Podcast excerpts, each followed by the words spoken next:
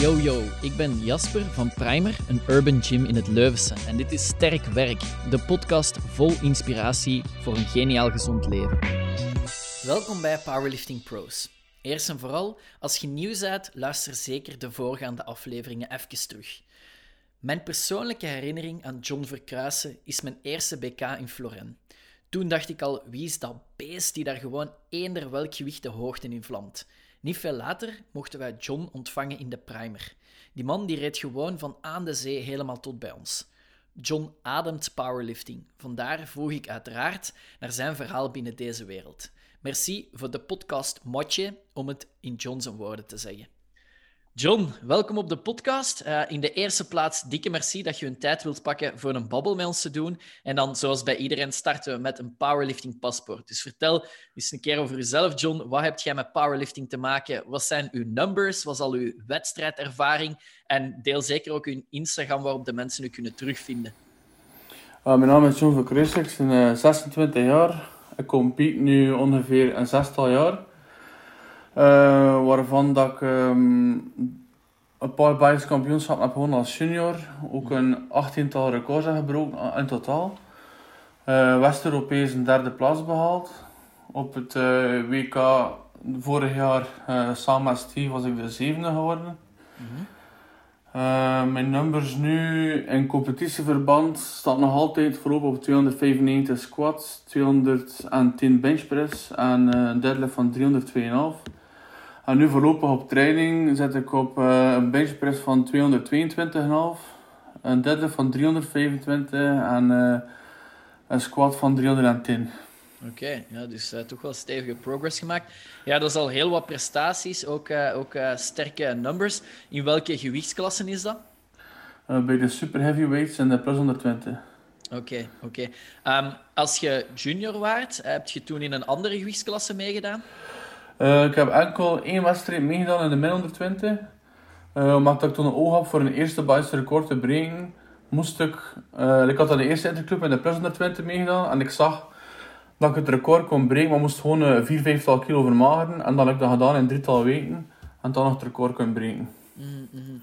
Oké, en op dit moment voelt je oké, plus 120, dat is mijn, mijn klasse om in te, om in te knallen. Wel voorlopig, uh, ik vind 2K heb ik gecompete op een bodyweight van 152 kilo. En nu zit ik op een, uh, 160, laat maar zeggen. Okay. En ik ben ook niet van plan om, om, te, om zo zwaar te blijven, maar dat dat ook veel nadeel meebrengt voor je gezondheid. Mm -hmm. Qua kracht is het super aan de max, maar voor het dagelijks leven en voor in de toekomst terecht is ook toch misschien later een gewichtsklasse lager willen zakken en daar misschien nog proberen Europees of wereld mee te doen. Ja, en als je zegt van in, in het dagelijks leven voelt je er wel wat nadelen van, wat zijn zo de dingen wat dat je merkt met zwaarder te zijn, dat in het dagelijks leven soms moeilijker gaan? Sowieso ik het qua werk te vinden. Um, ik vroeg zat ik in de bouw en dat was toen al op trantje en ik woog toen al 115 kilo. Nu zou ik daar zeker niet meer in staat zijn voor diezelfde functie uit te oefenen, ook qua slaap.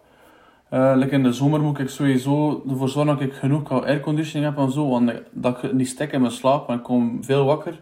Mm -hmm. Uh, laat maar zeggen dat ik misschien één dag in de week een volledige nacht doorslaap en dat is al veel. Dat zijn zo de kleine okay. dingen. Ja, dat, is, dat, klinkt wel stevig. Um, we hebben natuurlijk corona, hè, dus er is niet echt uh, op dit moment uitzicht op een volgend moment voor wedstrijd.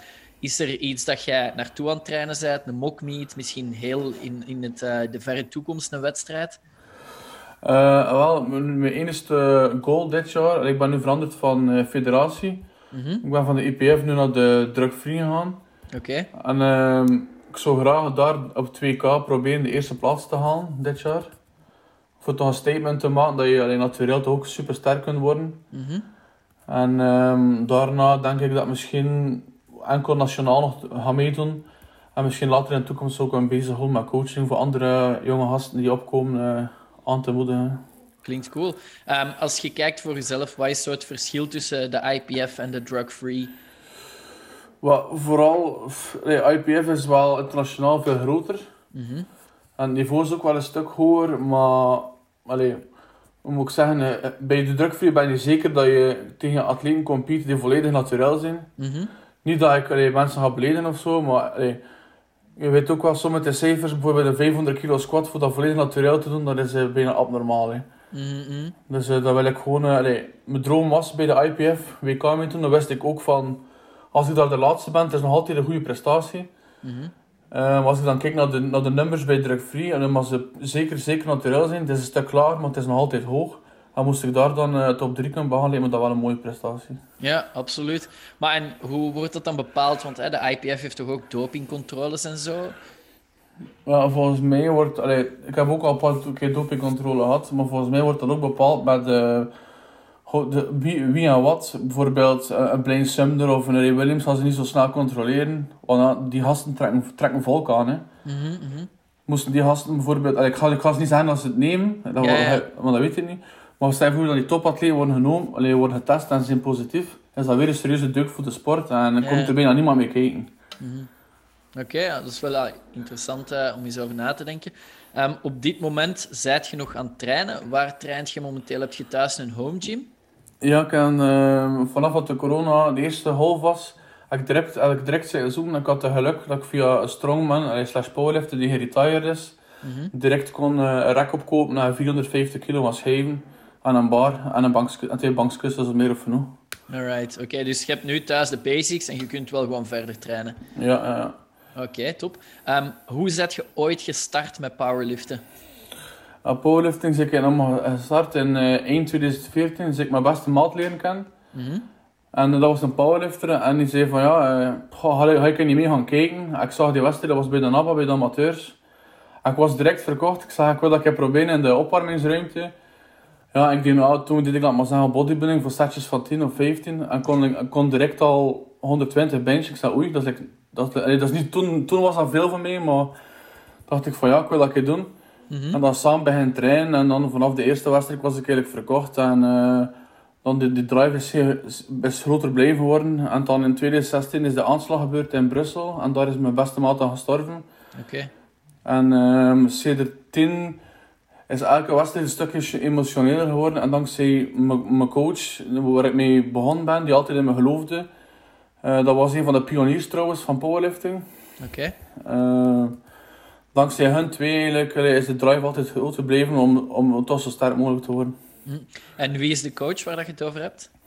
is eh, Albert Monbert van eh Olympic Oostende, die helaas eh, ook wel overleden is in 2017. Mhm. En die mens heeft meerdere wereld, is drie keer, drie keer wereldkampioen geweest in de IPF. 14 maal Europese podium staan. Oké. En meer dan 60 maal Belgisch kampioen. Dus ik denk wel dat die mens veel gepresteerd. Ja, ja, ja. En dus op dit moment, hoe verloopt uw coaching dan nu? Wat nu voorlopen, wat ik alles wat ik zelf heb geleerd, ehm, een beetje op, mez- op mezelf eigenlijk, ehm, dat ik mezelf bezig hou. Wat dat, je kunt het schema vragen of volgen, maar elke dag is ook verschillend. Nee, wat, wat heb je gedaan, Eh, heb je stress gehad, hoe was je werk, Eh, alles is beïnvloedbaar. Iedereen kan een schema maken, maar allee, elke dag is verschillend. De ene dag je ook beter dan de andere dag. Mhm. Dus allee, ik, ik bouw wel iets op, maar als het bijvoorbeeld iets minder gaat, dan leg ik mijn kop er ook niet bij neer en er- probeer ik het gewoon opnieuw, de volgende training. Mhm. Oké. En je hebt het gevoel op dit moment dat dat wel hetgeen is dat goed werkt? Ja, ja, dat wel, dat wel. Ik ben wel iemand die... Allee, ik, ik wil toch back-off zijn na de training en ik wil niet gevoelen dat ik nog fris, dat, ik nog fris, dan, fris ben na de training. Weet je? Ja, ja. Je, je hebt het daarnet over Blaine Sumner en, ehm, en eh, Ray Williams gehad. Zijn, er, zijn dat echt grote voorbeelden van u? Zijn er andere mensen waar je aan denkt? Ja, ik ga ervan uit hè, dat uw, eh, uw vriend en uw trainer, die helaas overleden zijn, dat dat ook altijd voorbeelden geweest zijn. Maar ik denk aan België en internationaal. Zijn er mensen waar je echt naar opkijkt? Goh, in België niet, per, niet echt per se. Allee, er zijn wel zware kanon, ehm, maar ik denk als je in België moet kijken, zo van powerlifting is het enkel Orhan. Mhm. En in de strongman is dat Jimmy Lowrace. Dat zijn ja, de twee grootste kanonnen, eh, laat maar zeggen. En eh, internationaal, ehm, maar die is helaas ook overleden, was Konstantin Konstantinov, Mhm. Russi- Russische powerlifter. En Zahir Kudarayev. Dat vind ik zo, die intensiteit van die twee is, is enorm. Mhm. Maar meestal, ik ben, meer, eh, ik ben wel zelf een powerlifter, maar meer ben ik fan van de strongman, de strongman atleten. Een Brian Shaw, Eddie Hall, eh, The Mountain. Gewoon zo, ja, moet ik zeggen, wanneer dat je wedstrijd of compete, dat die gast nog altijd een paar stappen verder kan gaan en gewoon die, dat, dat afzien en dat, dat tot als ze, laat, laat maar zeggen, flow van, dat vind ik gewoon de max. Mhm, Oké. En wat is dan voor u hetgeen dat je zegt, ja, ik blijf bij powerlifting en ik ga niet naar strongman? Wel, ik heb in 2017 één keer een strongman-wedstrijd meegedaan. Dat was mm -hmm. sterkste nog van Vlaanderen. Ik had dat wel gewonnen, maar ik vond dat super leuk. Maar gewoon qua kwetsuren leek me dat gewoon veel gevaarlijker. Oké. Okay. Um, natuurlijk is dat super cool voor een keer een atlas te hebben of, of een camion vooruit te trekken of gelijk wat, dat is super tof. Maar denk gewoon later, als, ik, als je bijvoorbeeld squat met 300 kilo of zo, het is statisch, gaan er vijf mensen bij je die je kunnen opvangen. Maar dan bijvoorbeeld met de yoke van 350 moet wandelen bijvoorbeeld, en er schiet iets in je rug of zo, denk dat die gevolgen wat iets serieuzer kunnen zijn. Ja, oké. Okay. En voor uzelf dan, wat is echt zo de drive? Wat, wat houdt u bezig in powerliften? Waarom, welk gevoel of, of welke gedachten heb jij van, kom aan, ik moet nog eens uh, mijn bench omhoog krijgen, mijn squat omhoog krijgen? Goh, vooral eigenlijk wat mijn coach zei toen in de tijd. Dat hij zei van, ik ga van jou een monster maken, zei hij. En ik moest ermee lachen. Maar ik zag van, ja, dat gaat nooit niet gebeuren. En eigenlijk, ja, ik wil continu gewoon sterker worden. Ook omdat ik zo de, de droom had voor toch een van de sterkste man van België te zijn. Mm -hmm. Dat ze zeggen van, als ze powerlift, als het dan mijn naam wordt, dan zeggen van, ah, godverdomme, die van West-Vlaanderen. Dat was ook nog een goeie. Ja, ja, ja. En gewoon dat ik gewoon inspiratie kunnen zijn later voor, voor de jonge gasten zelf. En dan ze zeggen van, kijk dat, dat was ook nog een toffe kerel. Ja, ja. De bear. Ja, voilà. of een kanon, hè, zoals je zo goed zegt. Hè, dat klinkt ook wel cool. Um, als je kijkt naar jezelf, hè, je bent een hele tijd geleden begonnen. Is er iets wat dat je zegt van ja, met de kennis die ik nu heb, zou ik dit anders doen? Of zou ik dat als uh, tip aan mezelf geven? Dus vooral minder druk op mezelf zetten. Dat is uh, mijn grootste fout. Uh, want in het begin van mijn wedstrijd, altijd de dag zelf, de dag voor moest ik altijd overgeven, altijd keihard van de stress. Mm -hmm. uh, niet kunnen slapen, mentaal ook slecht voelen, gewoon omdat ik zodanig, ik had die wedstrijd zeker al 300 keer in mijn hoofd gedaan. Zelfs de, de week van de wedstrijd, elke avond zit ik zo te squatten in mijn slaapkamer of te benchen in mijn gedachten van ik heb dat gewicht doen, ik moet dat gewicht doen en er te veel druk opleggen. Ook al is het eigenlijk een sport die individueel is. Maar toch, allee, als ik op uh, wedstrijd sta, wil ik toch altijd PR zetten of toch zeker tonen van kijk, hier heb ik voor gewerkt. Uh, mm. Dat zijn de resultaten. Mm. En hoe, hoe pak je dat nu dan aan? Hoe bedoel je, voor qua training of qua Ja, nee. Je zegt, hè, want de grootste fout die ik gemaakt heb, is te gestrest zijn voor een wedstrijd. Zijn er nu dingen die je anders doet, waardoor dat, dat minder zo is? Of? Wel, uh, vooral, nu probeer ik vooral gewoon uh, de agressie en zo, alles van binnen te houden. Mm -hmm. uh, ook door middel van muziek en ook door... Was dat continu tegen mezelf te zeggen van kijk, je moet alles sparen tot het moment van de lift. Mm -hmm. En daar volledig losgaan en erachter proberen alles los te laten. En dat is soms wel moeilijk, maar het begint te beteren. Oké. Okay.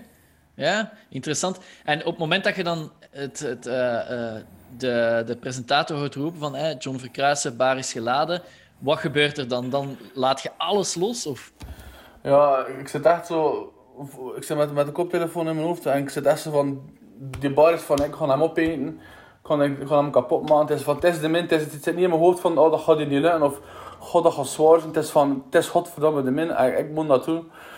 En op het moment dat, dat ik mijn naam hoor, is dat gewoon letterlijk een zwart gat van mij. Ik zie de, eigenlijk bij elke wedstrijd, ik zie de jury niet. Ik weet zelfs niet wie dat, dat was. Ik hoor gewoon mijn naam, squat of start of press of... En het is gewoon van alles heen totdat, totdat de lift gedaan is. En achter de wedstrijd wil ik wel een babbelje slaan, maar tijdens de wedstrijd uh, valt er niet zo te zeggen. Ja. ja. Oké, okay. ja, dat is iets wat, dat, allee, wat dat, als ik de afgelopen interviews um, in mijn hoofd afspeel van de echte sterke mannen, de grote lifters, iets wat daar heel veel terugkomt. Hè? Zo die visualisatie, het feit dat je naar de bar gaat en echt op dat moment al weet, ik ga hem sowieso hebben, no matter what, ik heb hem sowieso. Um, is dat iets waar dat je op training ook mee bezig bent? Well, op training probeer ik, ik heb altijd zoiets van, als je bijvoorbeeld bijna een PR kunt zetten op training, mm -hmm kun je pas dit sowieso, sowieso er extra nog 10% bij doen of 5% bij doen. Op, op training rage ik ook wel een beetje, maar het, is, het zet veel de druk op het wel. Um, en ook uh, mentaal zie ik daar ook te veel van af. Als ik te veel, want soms lift ik ook uit verdriet, laat maar zeggen het wel. Ik denk aan mijn coach, denk aan mijn vriend. Mm -hmm. En als je, dat, als je dat elke training zou doen, dan, dan maakt me kapot. En, mm -hmm die, negatief, niet negatief, maar dat verdriet en al die energie steek ik dat samen tijdens de wedstrijd. En op het moment dat daar is voor te knallen, gebruik ik het enkel voor dan. Voor dan. Zometeen meer info, maar tussendoor toch even belangrijk om mee te geven. Als je nu nog steeds niet kunt trainen, zorg er dan zelf voor dat het wel lukt. Bij ons kun je vanaf nu met 10 man in de Outdoor Open Gym trainen. Dat is buiten, op een veilige manier, met al het materiaal dat je nodig hebt. Daarnaast kun je ook nog steeds materiaal huren. Kun je bij je thuis de ideale home gym creëren. En stel dat je zegt, ja, ik heb meer begeleiding nodig, personal of eventueel een groepsles. Ook die gaan volop buiten door. Super vet, want het is echt stralend weer. Dus neem het heft in eigen handen en zorg dat jij terug kunt trainen. Tot snel! Meer info op www.primeracademy.be of stuur een mailtje naar info.primeracademy.be.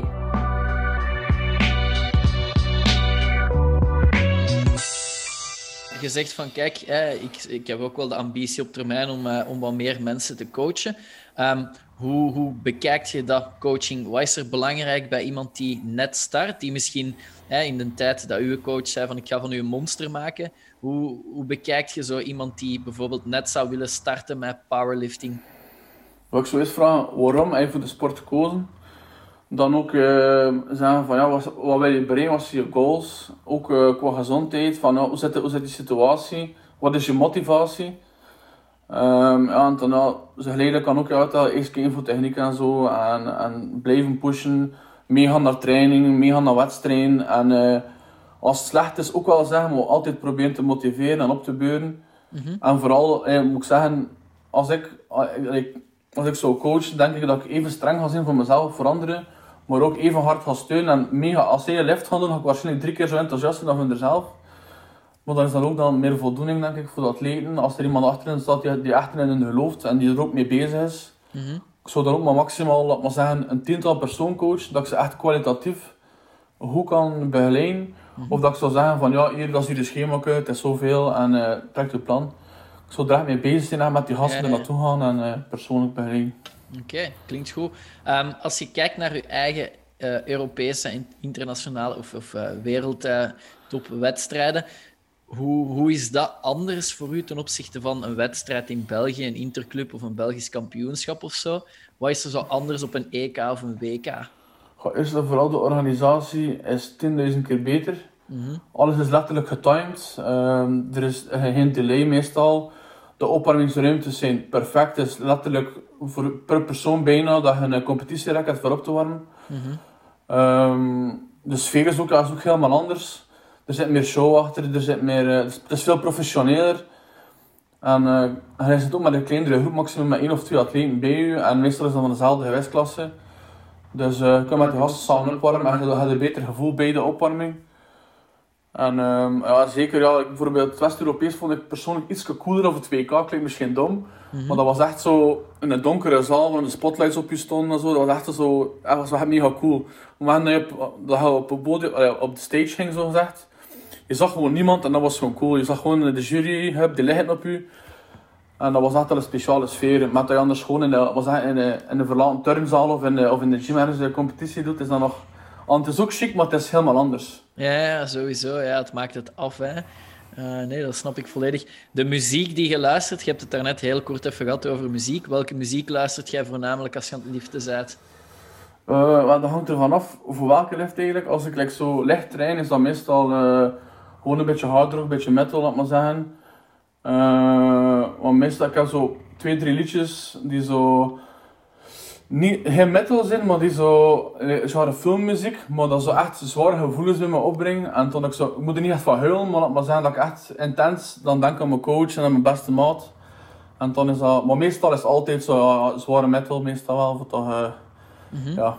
Dus op zich, op het moment dat je op de wedstrijd staat, klaar voor te gaan liften, heb je lichtjes andere muziek die geselecteerd. Ja. Oké. Okay. Dus meestal, het is letterlijk zo, het klinkt, klinkt een beetje grappig, maar de, bij mijn eerste attempt is dat zo savan muziek. Mm -hmm. de, tweede, de tweede is zo half doorslaan. En dan is het gewoon volledig loco en dan, uh, ja, dan, zo, zo kun je het een beetje beschrijven. Ja, nee, maar ja, klinkt mega interessant. Ik denk, muziek is iets persoonlijk en zal niet voor iedereen even goed werken. Maar ik denk wel dat het belangrijk is om een soort van wedstrijdritueel te creëren. Zodanig dat je als je uiteindelijk op het punt staat om te gaan presteren, dat je wel weet, oké, zo maak ik mezelf klaar. Ehm, zijn er nog dingen die jij doet als wedstrijdritueel? Dat je zegt van kijk, ik bouw zo mijn attempts en mijn muziek op. Zijn er nog uh, rituelen? Um, eigenlijk, als ik naar de wedstrijd ga, doe ik eigenlijk niks. Allee, ik heb altijd iemand, een vriend mee of uh, iemand mee die mijn gewicht erop steekt. Dat ik gewoon zeg van zoveel. Allee, ik ben echt een beetje naar de hand tijdens de wedstrijd, maar ik bedoel dat niet slecht. Mm -hmm. um, ja, en voordat, allee, als ik, me, ik zeg tegen mijn maat van, ik doe mijn koptelefoon af als ze mijn naam roepen. En dan heb ik wel uh, graag een goede klets tegen mijn rug of tegen mijn hoofd, dat ik toch wel uh, serieus kan ragen. Mm -hmm. um, dat, dat zal het voornamelijk toch wel zijn. Oké, okay, ja, nee, klinkt mega interessant. Um, als je kijkt naar de toekomst, hoe ziet jij je eigen powerlifting carrière? Hè? Je hebt het over van, hè, ik wil nog wel een aantal dingen bereiken, op termijn ook terug een gewichtsklasse lager gaan. Beschrijf eens zo even kort de, de toekomst voor John voor uh, powerlifting. Goh, ik denk mijn ultieme cijfers dat ik kan behalen, nog aan die bodyweight, want ik wil niet meer zo lang zo zwaar blijven, mm -hmm. denk ik misschien ooit nog een 340 deadlift ergens. Een bench van misschien 240 en een squat misschien hopelijk een 320 of 325. Dat lijkt me zo nog haalbaar. Mm -hmm. um, en in de toekomst, ja, als ik bijvoorbeeld een bodyweight terugzwam, bijvoorbeeld van dat maar zeggen uh, 115 of zo, moest ik dan nog 200 kunnen benchen, 300 kunnen deadlift en 300 kunnen squat, dat zou heel content zijn. Ja, en het geldt een soort van plan van aanpak voor zo terug te gaan naar 115 kilo, hè, want nu is het 160 zeggen. Mm -hmm. Oké, okay, want ja, dat, is, dat zijn wel wat kilo's die er nog af moeten. Zeg je van dat is eigenlijk gewoon volledig voeding bij mij? Of? Eigenlijk, allee, als ik iets in mijn kop heb, dan uh, het is zwart of wit bij mij, het is nooit tussenweg. Mm -hmm. Dus als ik er voor, als ik er voor is dat meestal, doe me gewoon mijn, mijn gewone training, zoals altijd. Maar daarachter doe ik dan nog dikwijls nog een uur cardio bijvoorbeeld. Mm -hmm. um, en uh, een beetje het mes op de keel zetten in plaats van ja, een beetje frisdrank drinken, continu water, enkel een beetje fruit. Als ik honger heb, dat gevoel vasthouden. En enkel één totdat dat gevoel weg is, maar niet, zelfs niet totdat ik voldaan heb. Ook al ben ik dan wat, wat moer of voel ik me een beetje slechter, weet ik van waarom dat ik het doe en voor wat dat ik het doe. En uh, alleen in principe, als ik mijn eerste record had gebroken, was ik uh, denk 7 kilo vermaard nog in 3 weken. En dat was echt, dat was echt lekker, in de clichéfilms, met 2, 3 truien gaan fietsen, uh, met 2, 3 truien een beetje joggen. Van alles proberen voor toch zoveel mogelijk te zweten en, en te doen. Dus. Mm -hmm. Maar het klinkt voor mij alsof dat jij een ongelooflijk sterke wilskracht hebt. Um, heb je het gevoel van, ja, ik heb dat op die manier opgebouwd, die, die sterke wilskracht of zo? Want ik ga ervan uit, er zullen mensen zijn die zeggen van, wow, my, maar die John, dat hij dat kan doen en dat hem zo zegt van, ik bijt me ergens in vast en ik ga er gewoon voor. Is, kun je op een bepaalde manier beschrijven hoe dat je zoiets creëert? Of... Goh, ik denk ook vooral dat je als, als allee, hoe dat je opvoeding was, hoe dat je jeugd was. Ik heb niet echt een bepaalde superjeugd gehad. Mm -hmm. uh, ook altijd jarenlang gepest geweest en zo. Uh, dat maakt dan serieuze littekens. En uh, dan moet ik zeggen, ja, ik had, ik had nooit iemand gehad die me, die me geloofde. En dan plots, als ik in de, in de sport terecht kwam, in de powerlift terecht kwam, zat mijn coach er wel achter. En die, die paar woorden aan hem gezegd had tegen mij, was ik zo van ja, en zei zelf van, ja, het zit hier, in de zaal zit hij altijd, zitten hier geen Leuven, zitten hier geen Trenten. Wij zeggen van, uh, je moet niet laten doen, je zit een vent. Uh, ik ga een vent van je maken. En uh, de bedoeling was eigenlijk altijd van, ja, de, zo hard mogelijk voorgaan, tot, totdat ik letterlijk ben neervallen. En val ik er ben neer, sta ik gewoon weer recht en doe verder. En dan hij en zei, ja, zegt van, je moet trainen een beest, je training moet harder zijn dan je wedstrijd. En die mentaliteit was, was echt wel iets dat ik bleef vasthouden en, en mm -hmm. ja. Mm -hmm. Zo, ja, zo echt wel letterlijk leven totdat ik er dood van manier van spreken. Maar sarcastisch, heel ook. Ja, ja, ja, ja. ja, ik ga er altijd volledig voor. Dus, ja. ja, ja. Nee, en dat is echt iets waarvan dat je zegt, kijk, allee, dat is die coach die dat bij mij heeft uh, ingeprent en daar hou ik aan vast. Ja, nou, maar zegt ook, dus, ja, niet alleen een coach, maar echt een soort van vaderfiguur. Mm -hmm. als, ik, als ik van mijn werk kwam, uh, rechtstreeks naar de gym, uh, eerst een half uurtje babbelen met hem. Uh, die mens was ongelooflijk, was super sympathiek. Want de eerste keer dat ik daar binnenkwam, was ik echt in shock. Ik had er nog, ik had er nog nooit gezien. Dat was zo'n ouderwetse gym van de jaren 60. Mm -hmm. Dus een ouderwetse toog zat een sigaretten te roken, pin te drinken. van, is dat de fitness? En het was er zo'n jong gast, hij was van 180 aan het deadliften. En mijn coach, dat was toen in de 70, en die heeft dat opleggen wat dat niks was. Hij was, van, ja, nu, hij was aan het babbelen terwijl hij aan het heffen was. En ik was heel in shock. Ik zei, wat ik nou, hoeveel is dat? Hè? Hij zegt, ja, 180. Ik zei, wat zie je? Ja, boven de 70. En ik wist niet wat hij presteerde. En dat was toch gewoon, wauw. Dat was echt, ja, dat iemand dat ik altijd naar opgekeken en nog altijd doe eigenlijk. Ja. Zijn er nog zo'n dingen waar je aan denkt van ja, toen ik dat gezien heb, dat is een moment dat ik nooit vergeet, dat is een mega inspirerend moment, ehm, iets dat je meegemaakt hebt of zo? Van tijdens de wedstrijd zijn van een andere Ja, en, en, zoiets als je ziet van kijk, ik kom daar in een gym binnen, dat is allez, een heel oldschool gym van, van uh, jaren geleden, maar daar wordt een prestatie neergezet door, door uh, uw coach die al 70 plus was. Allee, dat zijn zo van die dingen waarvan ik denk, ja, dat komt je nu niet meer zo vaak tegen. Omdat ja, alles gaat gewoon iets meer mee met de tijd. En zo die, die oersterke mensen of zo. Misschien ben ik het, maar die zit precies zo wat verstopt. oh ja, dat, is, uh, ja, dat vind ik eigenlijk wel jammer. Dat zo, ja, een van de pioniers. Mm Vroeger was Oostende eigenlijk de sterkste powerliftingclub van België, samen tegen Mertem. Mm En ik was eigenlijk nog de laatste atleet van Oostende die nog uitkwam voor Oostende. En dat ik gestopt was, was er niemand niet meer. Mm -hmm. uh, maar toen heb ik nog een verhaande glorie, Walter Orfeu, die er vlakbij me woont. Maar dat is de mens die met zijn tanden uh, het trein van 228 ton vooruit getrokken. Een, dead, een deadlift van 285 kilo met zijn tanden. Uh, dat was ook zo'n oersterke mens die zegt van, allee, hoe kan dat, van waar komt dat? Dat was ja, en zeker al bij, ja, allee, als een ventje van 80 kilo vind dat 300 kunt squatten, allee, dat is, in die tijd was dat abominabel. Ja. Nu, nu, nu die cijfers van nu, dat is niet meer normaal van nu. -hmm. Maar hoe, hoe komt het dan dat, dat bijvoorbeeld Oostende dan uiteindelijk ja, zo'n beetje uitgedoofd is en zo wat inderdaad, zoals gezegd, vergane glorie?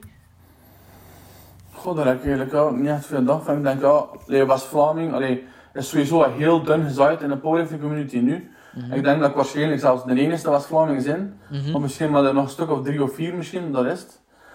En waarom dat, dat eigenlijk zo is, dat snap, ik, dat, vind ik, dat snap ik eigenlijk niet. Ik vind het ook wel jammer eigenlijk.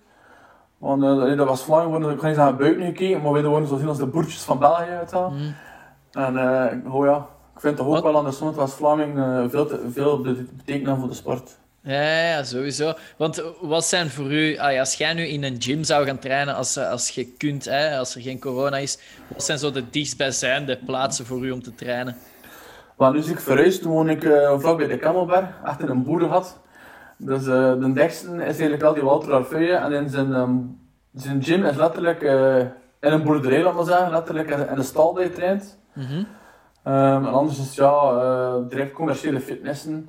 Wat dat natuurlijk niet zo makkelijk maakt voor, uh, over te trainen, want meestal is het van schijven tekort of is het, ja, de sfeer is dat ook een heel stuk anders. Ja, en als je maar... kijkt naar een niet-commerciële gym, wat is echt zo de dichtstbijzijnde voor u, buiten dan de Walter waar dat je over spreekt? Uh, ik denk dat dat Roeselaar is. Ja. Die, die gasten hebben ook een nieuwe gym. De gym noemt het gewoon. Mm -hmm. Maar die gasten hebben ook schitterend materiaal gekocht. Dat was ongelooflijk. En wat is de afstand die je moet rijden tot in Roeselaar? Drie, kwart, drie kwartier. Ja, oké. Ja, dus je merkt wel, allee, of het nu echt volledig in West-Vlaanderen is of niet, maar het is daar iets minder dik bezaaid wat betreft powerlifting gyms. Ja, ja als ik aan de zee woonde, had, had je enkel maar Oostende en Diksmuiden en dat is bijna. Mm. Maar voor mij maakt het niet echt uit. Ik zou, ik zou meestal het gym waar ik zo vast kan trainen. Mm. Maar ik, ik, ben ook al bij jullie geweest en dat was ja, meer, meer, meer, of twee uur rijden voor mij, maar voor mij maakt dat niet uit. Mm. Um, ja, ik ben zelfs nog bij dingen gaan trainen, ook bij Kathleen Company. Dat was, ja, dat was voor mij meer dan 200 kilometer heen, maar dat was ook een keer de moeite voor een keer, voor een keer te gaan trainen. En voor mij is dat, is dat dan een keer uh, ook een, een, verandering, een keer een variatie. En dan heb ik ook extra boost, ja, plus ja, ik ben gewend van, laat maar zeggen, oud materiaal te trainen. En als ik dan bijvoorbeeld bij jullie kom, voor, mij, voor mij was dat ja, de mekka van powerlifting. Ik oh ja, al die bar hier, alles nieuw, alles zo shiny. Voor ik was dat zo, ja, was echt de max. Ja, ja, klinkt cool. Ja, uiteindelijk, hè, je leert veel mensen kennen. Je doet tripjes en zo voor powerlifting. Um, wat is zo de zotste plaats waar dat je al geweest bent om, omwille van powerlifting of dankzij powerlifting? Mm, van, van gym, zou je zeggen? Bijvoorbeeld, of gewoon qua land of locatie of zo? Locatie, locatie vond ik... Um Noorwegen van het West-Europees was prachtig. Mm -hmm. Die, alles, alle standaard gyms waren, waren volledig uitgerust met Ireco. Dat was ja. gewoon standaard. Een basic fit, maar alles was van Ireco. Maar ja, een dagpas was dan ook wel uh, meer dan 30 euro voor één keer te trainen. Ja. Dat wel. Uh, maar qua België moet je zeker, zou ik zeggen, uh, jullie, Primer. Mm -hmm. um, en ja, Human Nature Sport. qua, qua zaal, allee, zeker en qua sfeer en zo, jullie, jullie, jullie toch wel het best aan voor powerlifting en voor strongman. Denk ik ja, like, eh, SMTK en Herentals. Mhm. Die gasten zijn ook, ook een super locatie, voor allebei. Ik ben daar geweest voor een seminarie van Big C. Ja, En dat was echt qua materiaal. Het is wel in een grote, groot gebouw, een beetje koud en zo, maar qua materiaal op de max, ja, alles voor strongman, alles voor powerlifting. Ja, het, ik weet super veel weg en vooral metaanplaten, dat vind ik wel de max, ja. alright, vet. Goed, ehm, als we voor eh, richting, richting het einde te gaan. Bella ciao. Ehm, nee, nee, dat is geen probleem, dat is geen probleem. Dat was, eh, dat was zeker een belangrijke telefoon hè, voor eh, terug te gaan trainen of zo. Wel ja, dan mag ik, nog, ik ga middag gaan trainen, maar ça va. Eh, Voilà. waar, waar gaat het trainen deze middag? In uw eigen gym gewoon thuis? eigen- ja, mijn eigen gym, ja. Ja, wat staat er op programma? Eh, vandaag eh overhead press. Mhm. Begin met striktpress en dan overgaan in pushpress. En dan eh, misschien nog een beetje assistance op de benchpress, een beetje wide grip. Mhm. Als, als, we, als we kijken naar bench, dat is toch iets wat dat je ja, toch wel een beetje aan het chasen bent. Hè? Je zegt ook, ik zou graag nog, nog een stuk zwaarder willen benchen. Wat zijn zo de movements voor u die echt bijdragen aan een sterkere bench? Gewoon een sterkere bench, ehm, vooral de main oefening zelf. Mhm. Ehm, slingshot benchpress vind ik ook super interessant voor te doen. Eh, wat, meestal na de benchpress doe ik dan ook close grip voor een paar setjes. Dan ook negatief close grip benchpress. Dat ik echt letterlijk probeer de bar 10, 12 seconden te laten zakken voordat ik met mijn borst ben, maar dan maar sets van 3x3. Mhm. En ehm, ja, voor de rest, eh, dat is het belangrijkste ding toch wel. Mhm. En ja, als ik in de gym ben, ja, leg pulls is zeer belangrijk. En ook veel, veel overload, veel speedwerk ook de rest tegen. En als mensen dat willen volgen, zo de dingen die jij doet, op welke Instagram kunnen ze terecht daarvoor? Ehm at, at Big Bad John en dan tweemaal underscore. Alright, at Big Bad John. Oké, nice. John, dikke merci voor uw tijd. Merci voor de interessante takeaways en de ja, inspirerende gesprekken. Ehm, ik kijk uit sowieso naar het volgende moment of de volgende keer dat je terug op eh, het wedstrijdplatform eh, kunt staan. Om wanneer het eh, monster terug losgelaten kan worden om, eh, om de baar te gaan breken daar. Daar kijk ik zeker en vast naar uit. Ik zou zeggen in de tussentijd veel succes, John. En eh, hopelijk zien we elkaar sneller. Alright, merci voor je tijd. Merci voor het luisteren. Dit was Sterk Werk, de podcast van Primer.